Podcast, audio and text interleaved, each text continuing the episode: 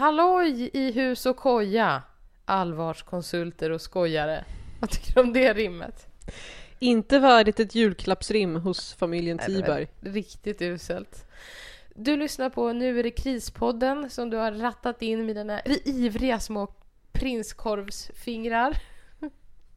Vad tyckte du om det? Jag Mm. vill, jag vill att varje rad jag säger nu ska bli recenserad.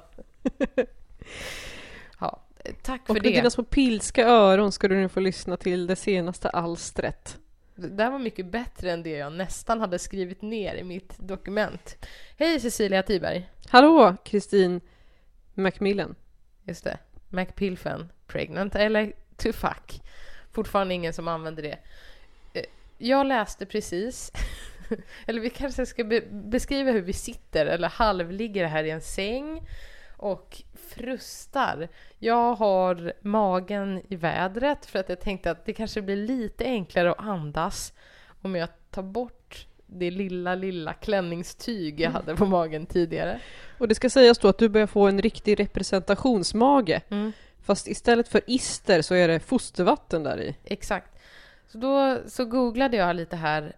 Alltså det är jobbigt att andas när man är gravid. Och då läser jag på 1177. Barnet trycker på överallt och det kan vara svårt att andas, sitta, stå och sova. Vad i helvete ska jag göra då? Jag kan inte andas, jag kan inte se... Men vilka ställningar finns det kvar? Jag kan inte sitta, okej, men då kan jag ligga. Nej, just det, det gick inte heller. Stå, nej. Men det står sova är svårt, men du kan väl ligga vaken? Okej, så det är det som är kvar. Tack så hemskt mycket, vilken bra hjälp. Eller 1177. krypa? Stå på alla fyra? Det funkar även när man inte har den ställningen Mm, kräla under fram. Det, det kunde de i och för sig ha skrivit då. Du kan inte andas, sitta, stå och sova, men du kan hålla andan medan du kryper fram. Lycka Eller till! så kan man hasa sig fram på sidan med ena armbågen kanske. Gud, så, som en zombie. Ja, ja. Hur är läget med dig? Det är helt okej. Har du Också något lite att svårt att andas faktiskt. Men eh, jag mår ändå bra. Jag har ju fått eh, en del av mig själv eh, avgjuten i gips. Alltså din mage, antar jag då? Ja.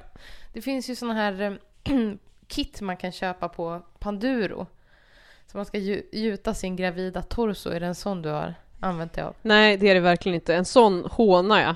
Fortsätter att håna. Så vad är skillnaden? Och jag såg faktiskt en sån på eh, min mödravårdscentral och tänkte så här, vad är det för psykon som gör det här? Och då kränger de såna? Nej, alltså det var en, eh, det var en uh, mag-torso då.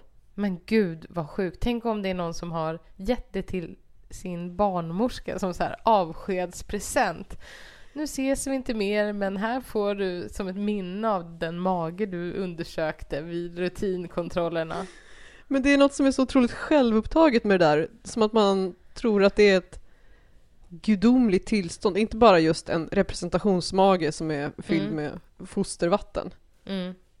Jag skulle faktiskt kunna tänka mig att göra en sån där avgjutning därför att jag tror att jag lider lite av dysmorfofobi. Alltså att inte riktigt ha koll på hur min kropp ser ut just nu. Det är väl att man tror att man är fulare än vad man är. Ja. Och det kanske förvånar lyssnare som har sett en bild på mig. Hur kan hon tycka att hon är någonting annat än en 10 poängare? Men ja, även solen har sina fläckar. Så jo, men det känns ju som att jag flyter ut över hela rummet ungefär. Och det är ju också känslan inuti kroppen. mm. Inte bara hur, hur det ser ut i en spegel.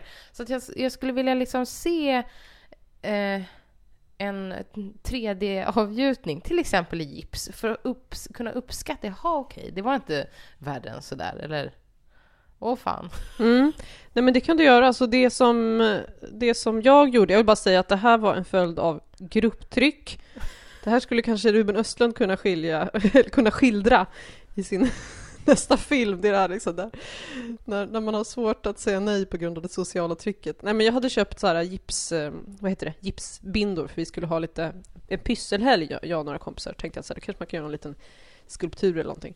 Nej, men då var de på mig med att, jag skulle, att de ville då gjuta av min... Jag vet inte, säger man gjuta när det är Ja. gips? Okej. Gjuta av min mage, att det var en, liksom en rolig grej. Ja, Då kunde jag inte neka sen. Alltså det är ändå roligt att någon är road av ens kropp. ja, okej. Så att eh, jag gick med på det. Grejen var att de här, de här bindorna var ju inte så många så att de räckte ju kanske inte runt, liksom, vad ska man säga, runt hela magen utan det blev ju liksom som en skål mitt på. När, jag, när, när de tog bilder av mig i det där eh, gipset så såg det snarare ut som att jag hade haft en omfattande magoperation. Ja, som att det var ett stort gips liksom längst fram på magen. Ni tyckte det här var kul. Det ser tragiskt ut. Bildtext på Jag- Instagram. Precis, jag kan fortfarande inte stå för det riktigt. Så här. Jag bara, kul grej, inte frågor på det. Men så att det blev mer som en fruktskål i gips. Ja. Vad ska du ha den till? Jag vet inte, jag tror att de ska måla den eller skriva någonting på den och sen Okej. får vi se vad ödet Jag- blir. Jag har ett förslag och det är att när du föder ditt barn i början av november att du då gjuter av det i gips och sen lägger ner gipsmodellen av ditt foster i den här magskålen. För att det ska bli en, en sådär pedagogisk figur för barnet. Och sen ger du det här till din barnmorska. Sen ger det till barnmorskan. Gud vad roligt. Vet du vad jag har gjort? Nej. Nej. Eh, jag har skrivit ett enormt gripande tal till min mamma på hennes 60-årskalas. Tårarna sprutade på mig själv. Vad härligt, jag är ju väldigt intresserad av tal. Ja, Både dåliga och bra. men vi, vi kanske skulle kunna ha det lite mer som tema någon gång. Eh, hitta någon rolig tråd på familjeliv som handlar om eh, misslyckade tal på Mm. bemärkelsedagar eller bröllop eller sådär. För att alltså jag tror att jag har hittat en ganska bra formel för ett hyllningstal. Ja, Och det är att man roastar personen istället. Ja, Ja, att man en kärleksfull uppradning av olika eh, mindre smickrande detaljer ur, ur vårt gemensamma liv. mm. Men men, det är pratar- avväpnande. Ja, som man ändå pratar eh, om med kärlek. Mm. Eller hur? Att jag älskar dig så mycket, trots att du har gjort allt det här. Trots att du har haft på dig så pinsamma träningskläder. Du gjorde allt för att vinna mot dina egna barn i Monopol och sånt där. Ja, jag kanske, jag, jag kanske ska bjuda på det som extra material någon gång och läsa upp det här talet. Ja, men Helt- det är så man skulle önska att runor var mer, tänker jag. De Mm. är också sådär, precis som Mm. tal, kan vara så otroligt liksom inställsamma och intetsägande. Vad var det Eh. värsta du sa om din mamma då? Nej, Hora! nej det sa jag inte. Jag vet faktiskt inte, jag, jag kommer inte ihåg det. Jag var, så, jag var så inne i känslan just då. Jag, jag ska rota fram det där och sen så kan vi dyka djupare i min stilistiska kompetens. Jo, så här nu, nu. Så här började det i alla fall. Jag tänkte skriva ett vykort och lägga till blommorna. Men eh, så, så kom jag på att jag har ju ordets gåva, så varför inte skriva ett tal istället? Var inte det en jättebra början? Ja, det var kul. Ehm, men nog om mitt gripande tal. En annan grej som jag har gjort är att... eh, Du har, har du en hel lista nu här? Vi ska ju, ha, vi ska ju prata trådar. Ja, men tyst nu, det här är jätteintressant för alla poddlyssnare. Jag har wallraffat nämligen på en ny dating-sajt som heter Rich Meet Beautiful. Och då tänker man, är det eh, dating versionen av tv-programmet eh, Who wants to marry a millionaire? Nästan. Fast det handlar om rika gubbar och unga tjejer, eller som sajten kallar dem, sugar daddies och sugar babies. Mm. Men det är nog som tv-programmet ungefär. Ja, okej. Eh, I det här fältet och till gubbarna så står det Ta ungdomen tillbaka i ditt liv på ett sätt endast möjligt med en sprudlande yngre kvinna. Känn dig tio år yngre och levande igen med en ivrig sugar baby vid din sida. Oj, vad ivrig. Ja. Och då underförstått här, förstår man senare när man läser, är att anledningen att hon är så ivrig att hänga med den här äh, ja, tjocka plånboksgubben är att hon ska få presenter och resor i utbyte mot att vara den här vackra unga väskan på hans kavajprydda ärm. Till tjejerna står det nämligen Du anstränger dig att se bra ut Och du förtjänar att behandlas därefter. Men är det bara utseende man behöver då som kvinna? Mm, och ungdom, tror jag. Ja. Männen på Rich Meet Beautiful vet det. De vill att du ska se bra ut och inser att en kvinna som ser så bra ut behöver ha shopping, resor, utmärkt smak och exotiska resor. Det här känns någonting som, som eh, liksom borde ha funnits i internets barndom redan. Alltså det känns retro tycker jag på något vis. Det finns faktiskt, den här är nylanserad, den här sajten, som är svensk. Men det finns eh, tidigare varianter också, både i Sverige och utomlands. Och det här kropp i utbyte mot cash, tydligen så, ja det är ju det är ju ingen nyhet det heller. Och tydligen så förekommer det på Tinder också. Visste du det? Nej, hur då? Nej. Nej, men det var en kollega till mig som berättade att um, tjejer som han matchar med, sen ja, då börjar de skriva lite till varandra och efter få meningsutbyten så ber de honom swisha pengar till dem. För vad då en icke utförd avsugning eller? Nej, men för fortsatt kontakt så kostar jag pengar. Oj. Då tror jag att man drar lite höga växlar på liksom en Tinder-konversation. Uh, ja, eller så alltså mm, det här är ett, det är ett annat forum att uh, ragga uh, kunder på. Mm. För att det handlar ju någonstans om ja, någon slags lyxprostitution eller eskorttjejer. Sådär. Och det är, alltså det är tragiskt åt båda håll. Dels att männen ska köpa att ja, men de är bara en vandrande plånbok och att kvinnorna är en vara. Mm. Det är, nu är det krispodden säger nej till det konceptet. Precis. Jag tänkte så här, skriv inte så till oss på Tinder, men vi är ju inte ens där nu. Nej, men jag tyckte det som var roligt med det här att jag wallraffade, jag, jag skapade ett konto och så, det var de, vad, vad killarna kallar sig för, eller gubbmännen. Snutgurka. Vad känner du då? Känner du, blir du sugen då? Nej, men jag tänker att han kanske har humor ändå. Ja, okej. Eller vad är en snutgurka? Eh, en gurka som har fått polislicens. Det är inte en batong i den här fickan. Lite så. Nej, men det låter skabbigt. Ja, okej. Eh, gingerfuck. Det är lite det jag håller på med. Precis. Min man är ju rödhårig. Mm. Mm. Random walk var en favorit. Jag fattar inte heller. Nej, är det någon som så skryter om att han brukar flanera mycket eller så jag, när jag går ut och går, jag har ingen aning om vart jag är på väg då. Så jag kan ta dig var så som helst. äventyrslysten är jag. Mm. Och den här då, storklittan. Men jag fattar inte, menar du att han har en stor klitta? Vet ej. Här klittar man på stort. Mm. I pruppen. Tycker ändå trevligt att han uppmärksammar klittan. Ja, det är bra i och för sig. Jättebra. Då får vi hoppas att han också vet var klitoris sitter. Mm. Okej, men du var där i liksom research-syfte? Ja, och... jag skrev en krönika om, om den här nya eh, sajten. Och eh, även i den var jag emot konceptet cash, kropp i utbyte mot cash. Vilken hög. Vilken skräll! Ja. Nej, men däremot så tycker jag man kan konstatera att det är ju, de säger det ju rakt ut. Mm, ja, det är intressant att det är så oförblommerat. Ja, exakt. Men kollar du på krogen eller kollar du på Tinder så är det ju samma struktur där egentligen. Det är det som är så himla sorgligt. Eh, man har de där tankarna i bakhuvudet som, som kvinna.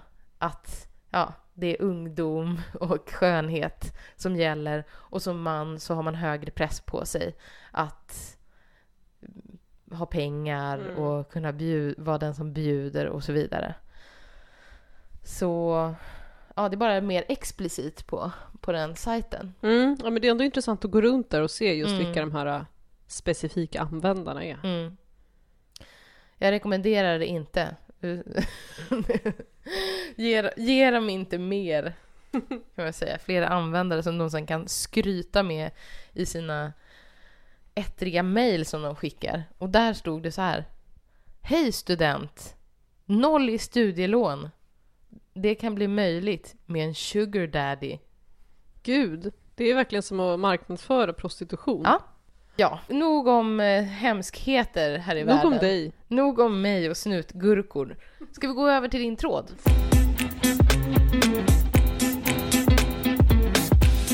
Vad har du hittat på familjeliv.se? En tråd som eh, handlar om det offentliga rummet. Det är då anonym. Och Det så, lät torrt. Ja, men det är ganska roligt. Jag tror att det kan bli en kul diskussion. Mm. Anonym, inom parentes motvillig hissåkare. Det här kanske är någon som har social fobi. Ta trapporna för helvete. Precis, ta trapporna. Eh, Måste man dela är rubriken. När man tar hissen vid till exempel tunnelbanan och folk gärna tränger sig in istället för att vänta på sin tur, har man rätt att neka då? Eller finns det någon skriven eller oskriven regel om att man måste låta alla som får plats åka? Gud så intressant. Ja, Det brukar ju faktiskt stå hur många personer som hissen håller för. Eller hur? precis. Max eh, fem personer Mm. eller Men det 400 står, ju, kilo eller något sånt där. det står ju inte minst. Nej, precis. Minst två personer. Du får vänta in nästa om, det, om du inte fyller ut den här hissen. Det kunde det ha stått. Men jag tänker den, den sociala normen säger väl att ja, alla som får plats ska in. Ja, Och man ska väl stå liksom kön mot kön eller öra mot öra om det. som ett mänskligt Tetris. Ja, precis. Mm, så säger normen. Eller hur? Och just att det är väldigt, att det anses väldigt ofint att, att då inte vilja dela med sig av platsen. Jag skulle bli helt chockad om jag stod och väntade på hissen och den framför mig gick in och sa Nej, jag skulle vilja åka själv. Du vänta. Det är jättekonstigt. Va?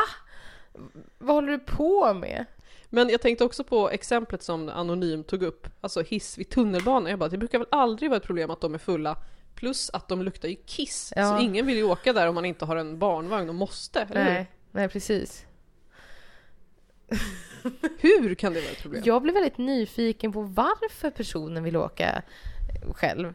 Mm. Om den har klaustrofobi, i och för sig då kanske den undviker hissar då överhuvudtaget, då är det bättre att ta, mm, ta rulltrappan eller vanliga trappan.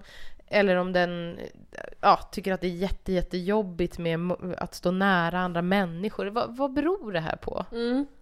Nej men precis, och just det där, det finns ju ingenting som egentligen heter liksom vänta på sin tur i hissen. Eller så är det är klart man inte tränger sig före den som står innan, men, men, men hela konceptet är ju att sådär, vi, vi fyller ut den så mycket Ja. som det går. Och sen tycker jag att det är en fördel bara egentligen hur, att ju fler personer som är i hissen, för att eftersom att det är per definition tryckt stämning i en hiss, Ja, så är det alltid skönt om det inte bara är två, tre personer som står där och, och liksom stirrar ner i golvet och och sin vänta mobil. på att det ska ta slut. Utan det är nästan, det är nästan lättare om det är fler. Ja, just det. Väldigt... Ja, jag, jag, jag försöker komma på här. Vad, vad kan det vara som den... För att det brukar ju säga så här om svenskar att så här, Åh, vi sätter oss så långt ifrån varandra på bussen som möjligt. Det finns bilder så här, waiting for the bus in Sweden och då står folk 50 meter ifrån varandra. Det ser ganska roligt ut. Men, men när det gäller hissar så vi tar ju inte en person per Nej, hissåkning, utan där klämmer vi faktiskt ihop oss för att det är det mest effektiva sättet. Mm. Annars tar det hundra år. Precis, och det är samma sak egentligen i, alltså, i tunnelbanan eller om, ja, om nu bussen skulle vara full. Mm. Alltså man, man, man fyller upp. Men, men kan inte den här personen då skaffa sig en privat skylift, tänker man? Ja. Svårt i tunnelbanan. Liksom, är det så mycket, den kanske är emot offentligt ägande överhuvudtaget? Att den vill bara ha egna saker för sig själv. Mm. Nej, min, min grej, min hiss. Jag är jättelibertarian. Ja. När jag började söka lite på vilka så problem som kan, eller vad folk liksom tycker om så socialt, eh, vad som är socialt accepterat i hissar och sådär. Då hittade jag några exempel där folk eh, eh, då irriterar sig på att, eh, ja, i ett fall var det en granne, i ett fall var det en grannes katt som brukade kissa i hissen. Och man vet aldrig vilket kiss som är vilket. Nej, men det var så, det liksom lät ju väldigt tragiskt, men då en, en eh, annan användare på familjeliv som skrev om att Ja men det här var en, det var en eh, riktigt gammal dam som hade hemtjänst och hade svårt att gå och hade en katt som hon då brukade släppa ut ibland så att den fick göra sina behov i hissen. Och hon motiverade det här med att hemtjänsten kom så sällan och inte alltid kunde tömma kattlådan. Ja, Plus att hon bra. själv inte kunde ta ut katten fast hon inte kunde gå. Och det roliga var att det här verkade då liksom accepteras av Bostadsrättsföreningen, ja, de, eller Hyresgästföreningen. ja, de klubbade igenom det här på, på senaste storstämman. Ska kisstanten få släppa ut sin kisskatt i hissen? Någon som är nej? Okej. Boom. Ja.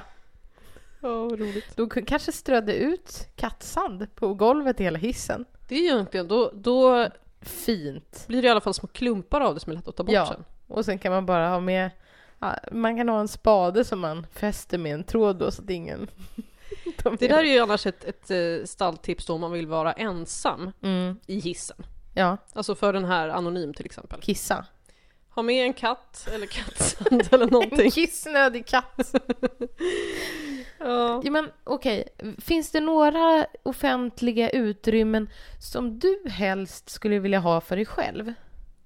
Längan på simbassängen. Ja, ja men det är ju en sån. Mm. Det är liksom halvoffentligt i alla fall. Mm. Eller hur? Du har betalat för att vara där men det är ändå underförstått att det, det bara för att du har kanske ett årskort på någon simhall så får du inte en bana för dig själv. Nej, precis. Men det skulle vara önskvärt. Man är alltid där och simmar och sen kommer det någon frustande farbror som ska simma på andra sidan. Ja, just det. Men då kan man ju faktiskt eh, snyta sig i vattnet ljudligt så att, så att ingen vill simma på samma ställe. Så. Brukar du göra det eller? Nej, men jag skulle kunna. Mm. Eller, jag vet inte, det Det kom lite för snabbt där Cecilia. Det kändes som att du hade försökt. Eller jag vet inte, simulera att man kissar i vattnet kanske. Jag vet inte. Ja, hur då? Gul, gul karamellfärg. Mm. Då måste man ju få folk att upptäcka det också. Åh gud vad skönt att lätta på trycket. är, det, är det bara i barnpoolen man får kissa eller är det okej här också? Men du, det, det finns ju några, vi skulle kunna gå igenom några sådana här eh, offentliga miljöer och hur man får då eh, olika utrymme för sig själv. Mm. Vet du vad som är mest effektivt i läsesalen på biblioteket? Oh, vad skulle det kunna vara? Att ha läckande hörlurar? Ja, risken Eller? finns ju att folk säger till en, för Ja, det, är just också, just det, just det gränsar till socialt oacceptabelt beteende. Eh, att lukta äckligt tror jag. Ja. Eller ha väldigt tung och jobbig andning. Ja, just. Du och jag, ingen skulle vilja sitta bredvid oss där nu. Nej, var gravid. Ja, för det kan man ju faktiskt inte säga till någon. Nej. Sluta vara gravid. Samma sak, man kan inte säga till någon som någon kanske gamling som slemhostar sådär äckligt. Nej, precis. Sluta vara gammal. Sluta ha så äckliga kroppsfunktioner. Ja. Okej, ja men det, det var ett bra, bra knep. Mm. Simulera Darth Vader-andning. Och se ut som att det faktiskt, du, ja, det här är jobbigt för dig också. Ja, precis. Vad tror du om eh, parken då? Åh. Nej men där måste det vara, kanske vara att man har eh, sprider lite använda sprutor runt omkring sig. Du tänker, vad knarkare? Ja. Det tror jag. Pundar-aura. Ja. Ja. Eller, eller vara riktigt lynnig och prata högt för dig själv. Då går ju folk mm, omedelbart därifrån. Gå fram och tilltala folk. Ja, Usch. hem, hemska tanke. Ja, jag tänkte så här, vara fotbollssupporter. I ett Fast gäng. risken finns, ja just det. Så ris- risken finns då att man drar till sig andra som gillar fotboll. Och hur många var det nu igen? 60% av Sveriges befolkning eller Jag något? vet, helt obegripligt. Mm, Ja, jag tänkte, eller så här, en dreadlocks-gycklare eller någonting. just det. Håll på med såna här jobbiga...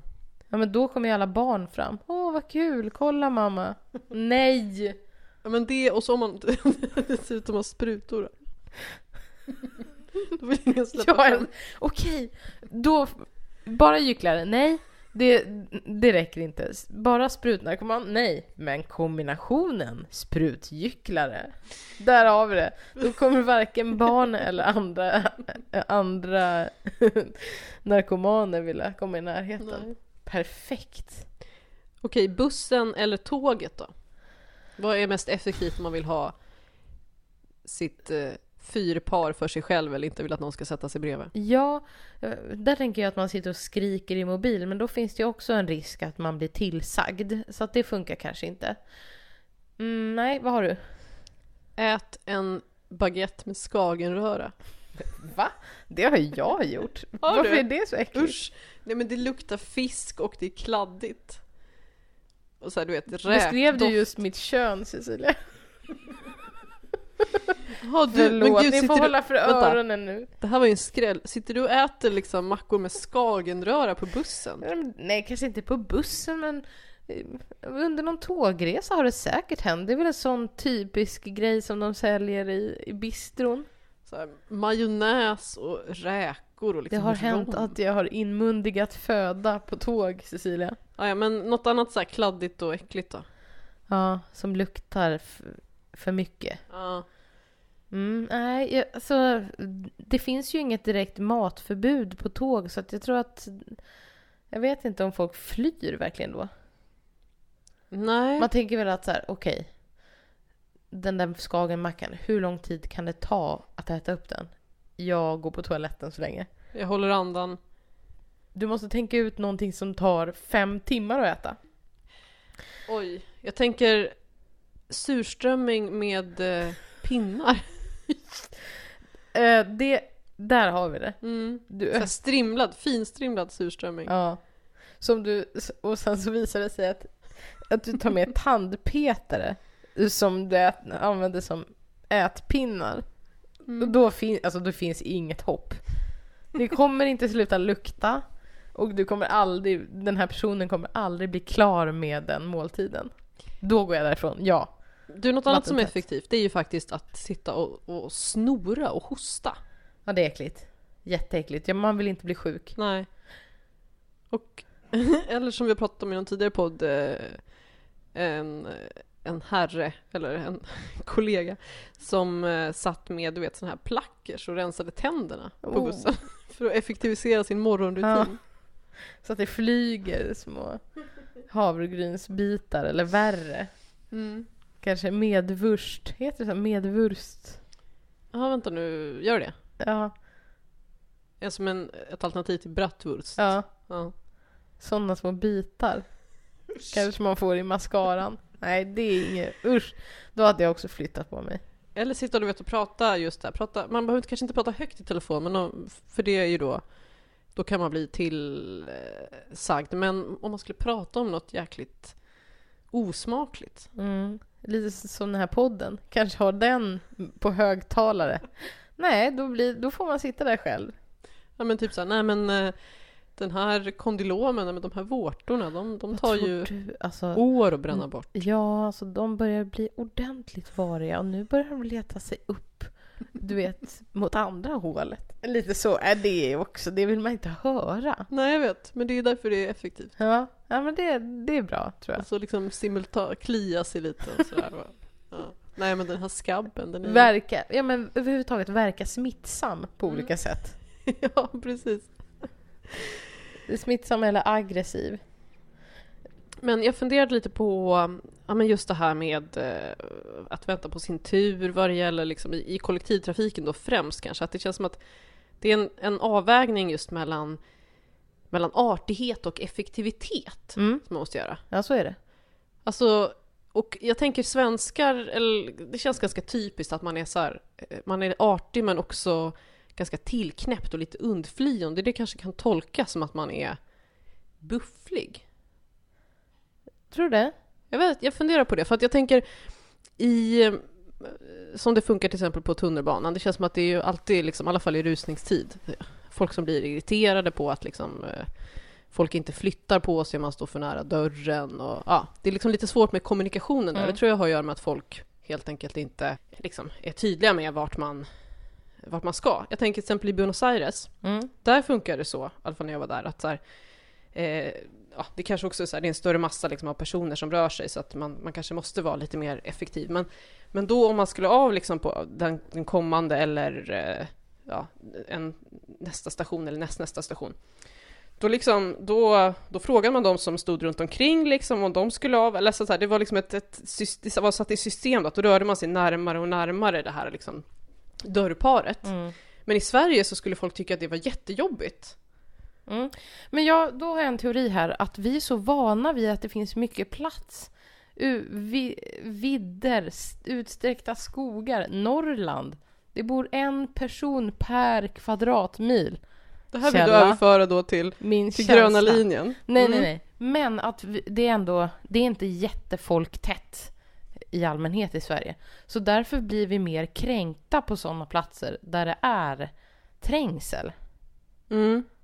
Det är inte vårt naturliga habitat. Och man är, alltså så här, man är inte van att behöva liksom anpassa sig eller, eller dryfta sådana saker med folk som är främmande. Nej, Nej. nej precis. Men det är det här, man Oftast- tycker att det är jobbigt, och, det är Mm. jobbigt att prata med någon och då uppfattas det istället som att man är liksom sur och, ja, och oartig. Mm. Har du någon hämnd? Eh, ja, vi var inne på det lite, det här med att man ska försöka göra sig själv liksom så, så äcklig som möjligt så att folk inte vill då vara nära en. Det kan ju vara lite jobbigt, men jag tror ändå att det fungerar bäst. Till exempel om man börjar klia sig i skrevet och prata om sin senaste svininfluensa. Får man det i skrevet? Nej, men, men jag, jag tyckte bara att det var ett så här, Ja. någonting som man gör som är äckligt. Eh, precis, eller skrika. Hör, hör ni i telefonen då, eller så här. Men tjena, har du hört att herpes är luftburet? Och fan vad det kliar nu på mig. Precis. Lite så. Eh, jag tänkte att man kunde skaffa sig så extremt outhärdlig kroppslukt. Och du, läckande soppåse från gårdagens kräftskiva till exempel. Mm. Den parfymen. För att det är ju ingen som vill åka hiss med någon som är så här marinerad i, i lukten. Diarréblöja por um. Ganska starka parfymnamn. Verkligen. Men ska man inte alltid ha med sig en sån liten, vad ska man säga, en liten termos med räkskal då som man kan... Åh gud vad äckligt. Skruva jag blev upp. magsjuk bara jag hörde det här. Jag har en termos med räkskal. Åh, det är Smala Sussi där, eh, där en eh, av karaktärerna har sytt in gamla kräftskal i sin frus byxlinning för att han är så svartsjuk och han vill att ingen ska närma sig henne. Har du sett den eller? Nej, men det, det är, är ju jättekul. skitsmart, Sm- Smala Sussi-metoden. Men det har jag hört också som en sån här eh, ex-hämnd, att man ska lägga räkskal i gardinstången. Ja, smart. Mm. Så här, trevlig, trevlig tjej här, men alltså det luktar ju för jävligt hemma. En annan grej som man kan göra är att se till att själv bli extremt skrymmande. Då får man ju åka hiss själv. Alltså Du då menar ha ringbrynja? eh, hyra en sumodräkt kanske. Alltså då är det faktiskt, jag är inte oartig nu utan det är för att det får inte plats fler än mig. Står Med- man där i sin, i sin plastsumodräkt? Ja, el- eller om man både vill stå själv i hissen och tjäna pengar på det samtidigt. Skaffa sig ett jobb som fotbollsmaskot. Mm. Men ska Och- man bara åka upp och ner ur hissar då? Nej, nej, men då är det också att man får någon sån här jättedinosauriedräkt med sportshorts på sig och då kanske man... Dels är det ju... Den är ganska stor, eller hur? Och sen så blir man så svettig i den så att man luktar också ganska äckligt. Mm. Så att det är liksom dubbelt. Ja, det är jättebra. Har vi, har vi det perfekta där, tror du? Jag tänkte också på något som är ganska simpelt. Man kan ju råka komma åt stoppknappen. Åh nej, hissen gick sönder! Jobbigt. Jobbigt. Då, det är liksom en bra hämnd för den som, den som har trängt sig in och har bråttom och prompt skulle åka med trots att Mm. det var fullt. Klä ut sig till hisstekniker. Nej, den här är ur funktion hörni. Mm, ja, ska in och fixa den. Varje gång Alltid man ska åka hiss, blå overall. ja, så måste man klä på sig en sån här väst med massa fickor med verktyg och ha någon låd, verktygslåda med sig. Gud. Det, är- jag känner att det är tungt för den här äh, trådstartaren Anonym.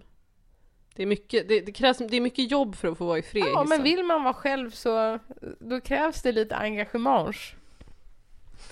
Underbart.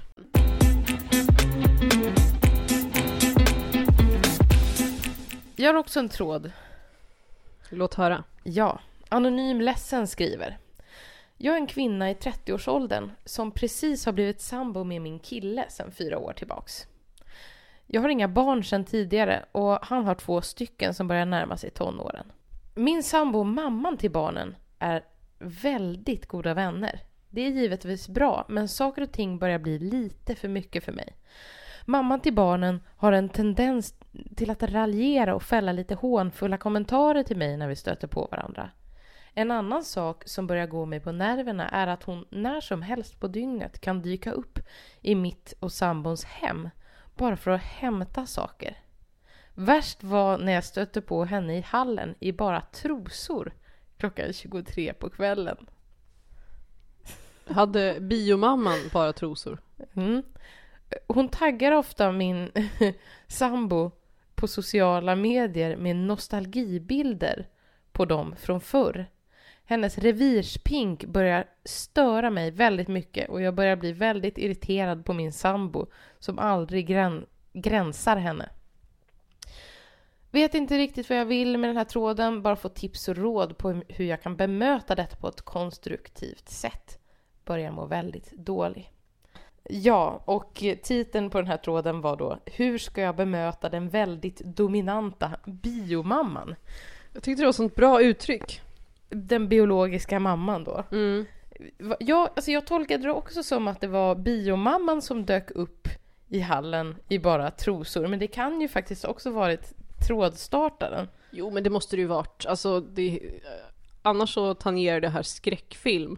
Om biomamman kommer liksom i bara underkläder på kvällen. Jag skulle bara hämta en grej till barnen. Vad känner du när du läser det här? Tagga den här sambon i nostalgibilder från förr. Alltså det tycker jag väl är det minsta problemet. Det tycker du? Att hon, att hon dyker upp sådär oanmäld sent på kvällen, det är ju mycket obehagligare. Mm. Alltså jag måste säga att det här är väldigt märkligt beteende. Men jag känner också igen mig lite i biomamman. Mm -hmm. Alltså Mhm. bara lite då. Har du gjort så? Ja, men det här att vara, fortfarande vara lite förtjust i sitt ex och vilja bevisa det för, för hans nya. Så att jag faktiskt är den som fortfarande känner honom bäst och sådär. Åh, kommer du ihåg när vi gjorde den här resan? Åh, dina tokiga barndomskompisar som jag har träffat otroligt många gånger faktiskt. Eh, gud, de är så roliga! Men gör du det då för att du eh, har liksom känslor för den här eh, killen? Eller alltså är av svartsjuka eller vad är motivet jag vet, då? Jag, jag vet faktiskt inte riktigt, utan det är för att trumfa den. Att det är här, eh, eller som att, hallå, vi, bara för att vi har gjort slut så har jag faktiskt fortfarande en, en relation till honom. Ja, och den här biomamman då, de har ju barn ihop också så att Ja, då har man ju faktiskt ett liksom oupplösligt alltså det är ett band. rövbeteende. Jag håller med det, men ändå så kände jag ett sting av så här igenkänning. Jag har gjort det här vid några få, men ändå jag, tillfällen. Men jag har, har gjort det. Berätta, vad, kan du berätta om de situationerna? Jo, men just det jag sa här, att man så här poängterar, så, tar upp grejer som, som vi har varit med om och så här, Mm. ska mm, prata lite sentimentalt om, om sånt, in, såna interna grejer som hon då inte var med på, till exempel. Mm. Eh, men rent generellt, så, alltså det finns ju många problem man kan ha med sitt partners ex. Att partners föräldrar gillar exet mer än man själv. Har du varit med om det? Nej. Nej, inte Svårt jag. att se det hända. ja. Dina, eh, dina pojkvänner har ju varit oskulder också. Precis. Nej men jag, har, jag är ju ganska charmig. Partners förra relation varade en evighet. Det kan man ju känna lite så här, vad f- alltså, jaha, hur, hur ska jag, jag vill ju vara den som känner min man bäst, men alltså han har ju varit gift tidigare och de var liksom ihop i sju år. Mm. Det är klart att de var med om jättemånga olika häftiga saker. Men jobbigt också om man inte riktigt får uppbackning av sin, eh, sin partner. Alltså det vore skönt om de kunde enas här i att hon är ett, liksom ett psycho som ska få Mm. besöksförbud. Men, men den här killen verkar ju tycka att det är fine att hon... Ja, men jag, jag tycker ändå att det verkar som att trådstarten är ganska trygg med sin killes känslor. Att det inte är svartsjuka riktigt som är problemet. Så hon är inte, hon är inte överdrivet misstänksam. Utan hon kräver bara någon slags rimligt Hon bara, alltså nu är det så att hon faktiskt Beteende. står här i hallen igen klockan 10 en söndag. biomamman har inte förstått var gränsen går och den här sambon hjälper inte till att förklara och sätta de gränserna. Eh, men när jag googlade runt lite mm, kring de här problemen så snubblade jag över ett riktigt fynd. The British Second Wives Club. Mhm. En sajt för brittiska andra, alltså vad ska, hur ska man översätta det? Den andra frun. Ja, för om, ja precis. För om, ja precis. Du, Omgifta tänkte jag säga, men det behöver men det inte är- vara så. ja, ni förstår, ni kan engelska ni som lyssnar. Och då hade de förstås en extremt lång artikel om problem med jobbiga ex. Och då är det en som skriver She was able to devote a huge amount of time to being difficult. Det är så fint.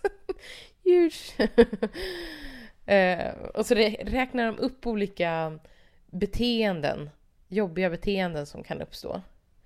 Att exet använder barnen som vapen. Kräver att de väljer sida. Måste vara extremt vanligt. Mm. Att man gör all kommunikation så krånglig som möjligt för att det då ska ta mycket tid i anspråk. Mm. Jag kan tänka mig att man typ gömmer så här regnkläder och påstår att de har försvunnit lagom till att Exakt barnet så. ska bo hos den andra föräldern. Hitta på kanske barnet är glutenintolerant och hur kunde du skicka med eh, ja, eh, knäckebröd då? Ta sig rätten att lägga sig i ditt liv. Försöker straffa honom för att han har gått vidare, kan också vara en grej. Eller sprider lögner om honom eller, eller dig. Men det, här, det som var mest intressant i den här artikeln var att de försöker förstå varför exen beter sig så här. Eh, Och då kopplar de det till den så kallade Kübler-Ross-modellen. Har du hört talas om den? Kübler-Ross, nej. Mm. Det är en teori om sorgens fem faser. För att anledningen då varför det här, den här jobbiga, det jobbiga exet eller i det här fallet den jobbiga biomamman beter sig så här är för att hon sörjer ju sin havererade relation. Mm. Jag tycker det var fint och lite oväntat för man tror så här, the British Second Wives Club, de kommer tänka, de kommer tänka som vi gör med hämnd och sådär eh, och spä på hatet mot. Mm. Men det var inte alls så, utan förs försök förstå varför det här jobbiga beteendet eh, uppstår. Och de här sorgens fem faser är ett, Förnekelse, går man igenom först, man Mm. vägrar acceptera. Två, Ilska. Sen tre, förhandling. Fyra, depression. Och fem, acceptans. Och eh, då tänkte jag att den här biomamman, det låter som att hon har fastnat i stadiet förhandling. Mm. Vad tror du om det? Ja, precis. Hon vill inte, hon vill inte släppa liksom sina privilegier. Exakt! Alltså hon, börjar, hon har gått igenom förnekelsen och kanske ilskan. Men hon börjar fatta nu att nu får inte jag de här fördelarna längre som relationen förde med sig. Det hjälper inte att vara arg på sambon så alltså måste jag ändra strategi. Och då är hon överdrivet kärleksfull på sociala medier mot honom och är som en dröm där. Eh, och överdrivet men ska- engagerad i barnen och sådär. Ja men precis, ska visa hur liksom hur, eh, hur bra hon har det och har Mm. tacklat det här och Ja, det finns ju någonting väldigt sorgligt i det. Så här, om jag bara är lite, alltså om jag är snällare, ännu mer, eh, jag kanske är snyggare, roligare och ja, så, så kanske jag kan förhandla mig till mer tid med, med den här, med sambon. Eh, och så står det faktiskt så här. Bli inte förvånad om hon oinbjuden kliver in i ditt hem och agerar som, hon, som om hon har rätten att göra det. I hennes huvud så får hon vara där barnen är. Hon är deras mamma och då finns inga gränser. Är inte det jätteintressant? Ja, Så hon greppar efter halmstrån. Precis. Men vad ska eh, trådstartaren då? Ska hon säga så här? Du, du har fastnat i den här fasen. ja. Du måste läsa fler artiklar på internet om hur man kommer över sitt ex. Nej men, eh, nej men dels så kan det vara lättande att förstå att så här, det här är okej, det är en psykologisk process som den här personen går igenom. Och nästa är depression. Fan vad gött, då kommer du må riktigt piss. Du ska djupt ner i skiten. Eh, nej, men däremot så är det någonting som hon skulle kunna prata med den här eh, med sin sambo om. Alltså behovet av att sätta gränser för att om han, om han inte gör det så kommer ju biomamman tro att det faktiskt går att förhandla sig till mer tid. Mm. Jo men att, så Att barnens hem är en gemensam Ja. zon. Ja, Mm. att det funkar. Man undrar så här vad hon gjorde där klockan 11 på kvällen. Mm. Vad, vad, vad gjorde hon då? Nej, men det var ju gympakläderna. Jag, li- nej, hon kan, jag litar inte på att de packar i gympapåsen. Men det kan vara vad som helst. Ja. Man hittar ju på någonting. Precis. Jag tänkte på så här typiska snyltgäster. Nu har inte jag sett tillräckligt mycket Solsidan för att veta hur de brukar hantera den här karaktären Ove som är Mm. Henrik Dorsin. Mm. Men eh, han är ju en sån där som liksom dyker upp och tar för sig. Alltså det finns ju gott om såna. Ja, just det. Som inte Exempel. känner av sociala situationer Nej, precis. överhuvudtaget. Oh. Nej. Där brukar ju poängen vara alltså, att man låter dem hållas. Men, men eh, det är inte så mycket, det är inte till så mycket hjälp här. Nej. Ehm, Nej, sambon har ju såklart ett ansvar här.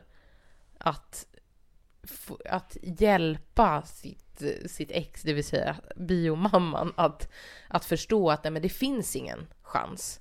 Och eh, Jag knullar någon annan nu. Ja, ja precis.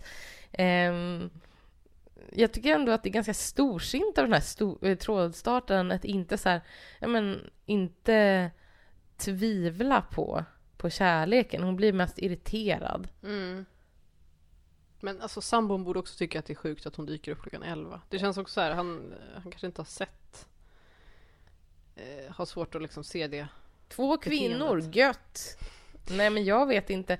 Det kanske är så att eh, de har bott i det huset tidigare så att han, han går på biomammans manipulativa anledningar till att hon faktiskt har någonting där att göra. Att, så här, men just det, jag hade ju glömt bort jag hade glömt den här saken eller barn, ja just det att man hittar på olika krångliga anledningar kring barnen och Just det, hon kanske gör så att hon glömmer grejer där för att få anledning att komma Säkert. tillbaka. säkert manipulativ jävel. ja. Eh, nej men jag tyckte det var fint. British, alltså jag... Mm. jag Men du är ska- ju en second wife. Jag, jag har hemma där, jag ska bli medlem. Åh vad fint, äntligen en identitet. Känner du att jag har hittat hem Cecilia? Vad har Hörde du förresten? Lyckan i min röst. Jag tänker, vad har du gjort med den här duken som din man och hans förra fru fick i bröllopspresent? Ja, den, den det- är ju rolig. Den är underbar, jag älskar den, en kär ägodel. Nej, Berätta det- vad det står på den här den står- duken. Störst av allt är kärleken, broderat på en ljusblå duk. Och så står det J hjärta M. Då är det alltså John som är min man, hjärta Moa som var hans förra fru. Nej men den här har alltså den, den ska vi ha kvar för alltid.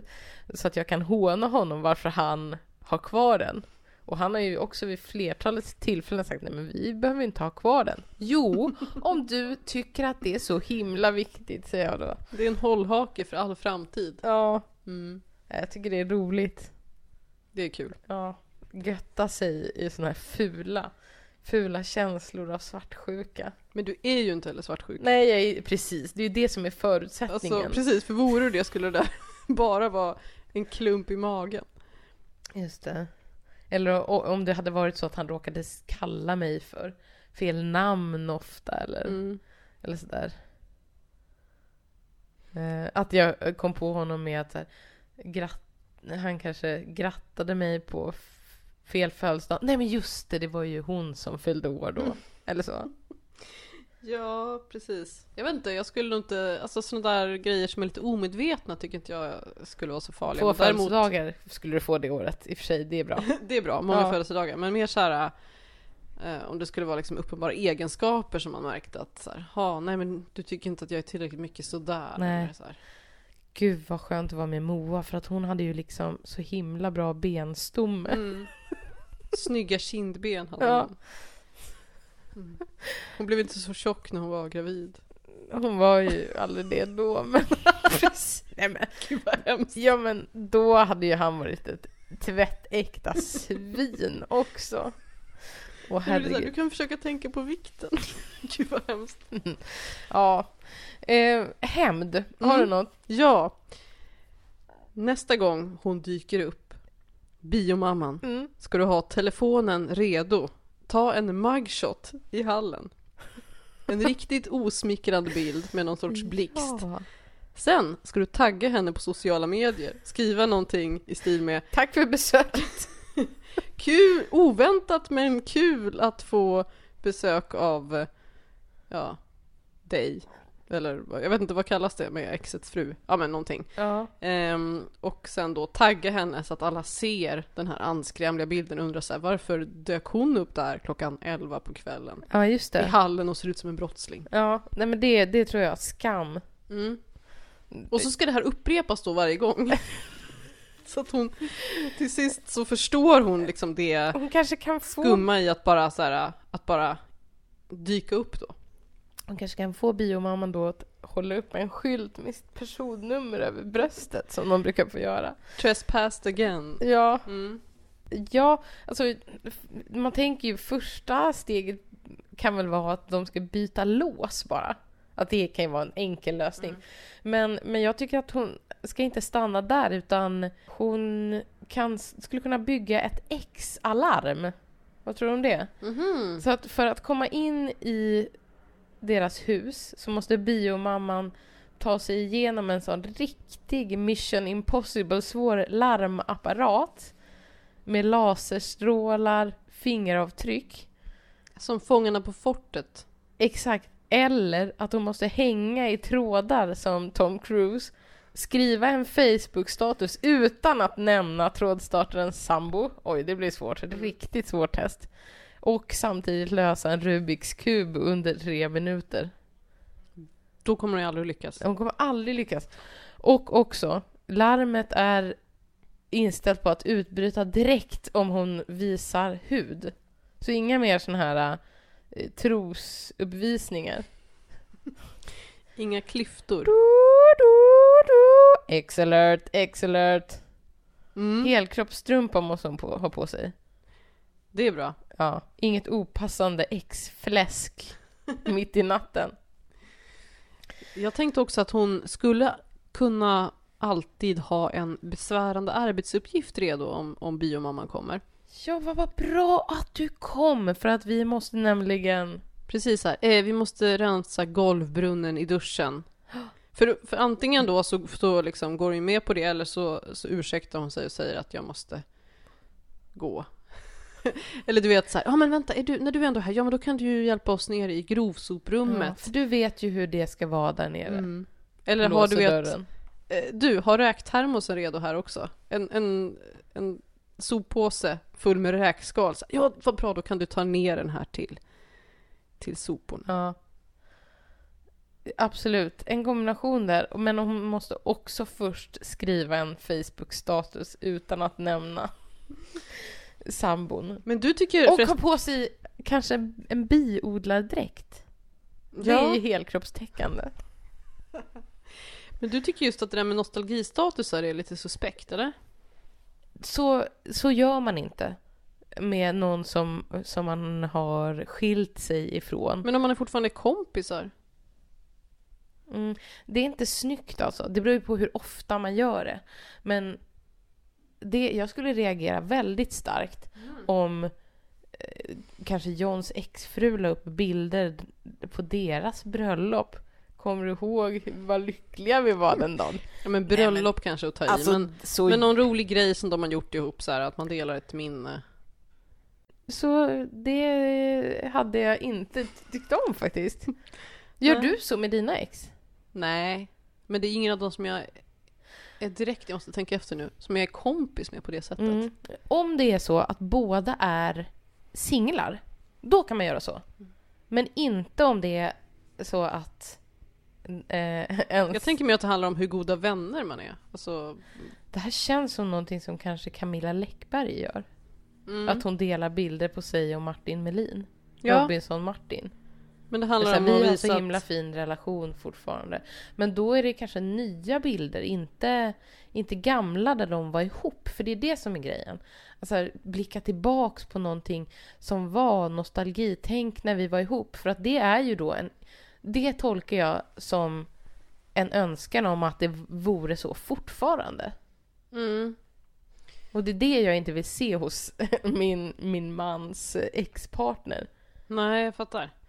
Men man kan ju tänka att det är så ett skönt så här, mm, omfamnande av liksom bonusfamiljen och att vi har en vi har Ja, ändå fast- en levande relation fast vi inte vill ligga med varandra längre. Fast det vill du ju uppenbarligen eftersom du klampar in i trosorna. På med biodlardräkten, bort med tassarna från Facebook. Biomamman. Tydliga signaler. Hörru du Cecilia, det här var ju härligt. Tillbaka för hösten. Mm. Mm. Vi får se hur länge vi orkar. Vi flåsar på i Hur länge andningen håller. Gud, vi kommer låta som Liv GV om några veckor. Ja, men precis. Men vi kanske inte ska prata för mycket om sånt här havandeskap. Det kanske skrämmer bort lyssnare som inte liksom är barnintresserade. 5% max. Lovar. Mm. Och mer Tinder. Precis. Ni ska få något. Alla ska få något. Och en sista grej bara. Jag läste en jätterolig annons på Facebook. Nej, det var en kollega som skickade eh, den här jobbannonsen till mig. Vill du tindra som extrajobb? Obs! Måste bo i Göteborg. Och då är det då en platsannons här. Hej! Eftersom mitt arbete tar upp en stor del av min dag har jag helt enkelt inte tid eller lust att tindra själv längre. Därför söker jag nu någon som kan ta över mitt tindrande åt mig. Du jobbar provisionsbaserat och får 1200 kronor per fixad dejt som blir av. Målet är en, ibland två dejter i veckan. jag brukade själv fixa en dejt i veckan när jag la ner ungefär en halvtimme om dagen. Är du snabb och duktig att skriva kan den tiden säkert halveras. Slut. Det här tycker jag skulle vara kul på riktigt. Eller hur? Man blir sugen. Vi kanske ska söka, på, söka det här jobbet. Ja. Eller om någon eh, där ute av våra lyssnare är mellan jobb, sök det här. Det verkar ju skitroligt, ganska bra betalt, eller? Mm. Som extra knäck då. Eller hur? Och, och försöka då liksom, det handlar ju om matchning. Mm. Matchningsproblemen på arbetsmarknaden. Hjälp en, Äktenskapsmarknaden ska Ja. fixas. hjälp en singel. Fixa Tinder-dates. Ja, vad roligt. Det här är liksom den nya gig-ekonomin. Mm, mm, precis. Där alla samhällstrender är nerkokade till ett enda extra jobb. Du kan få en 10 om du liksom vill klippa vår podd. Nej, 20. Gud vad dåligt betalt. Jag klipper det själv. Cecilia, vi, vi ses i nästa avsnitt tänkte jag säga, men vi ses nog tidigare än så. Mm.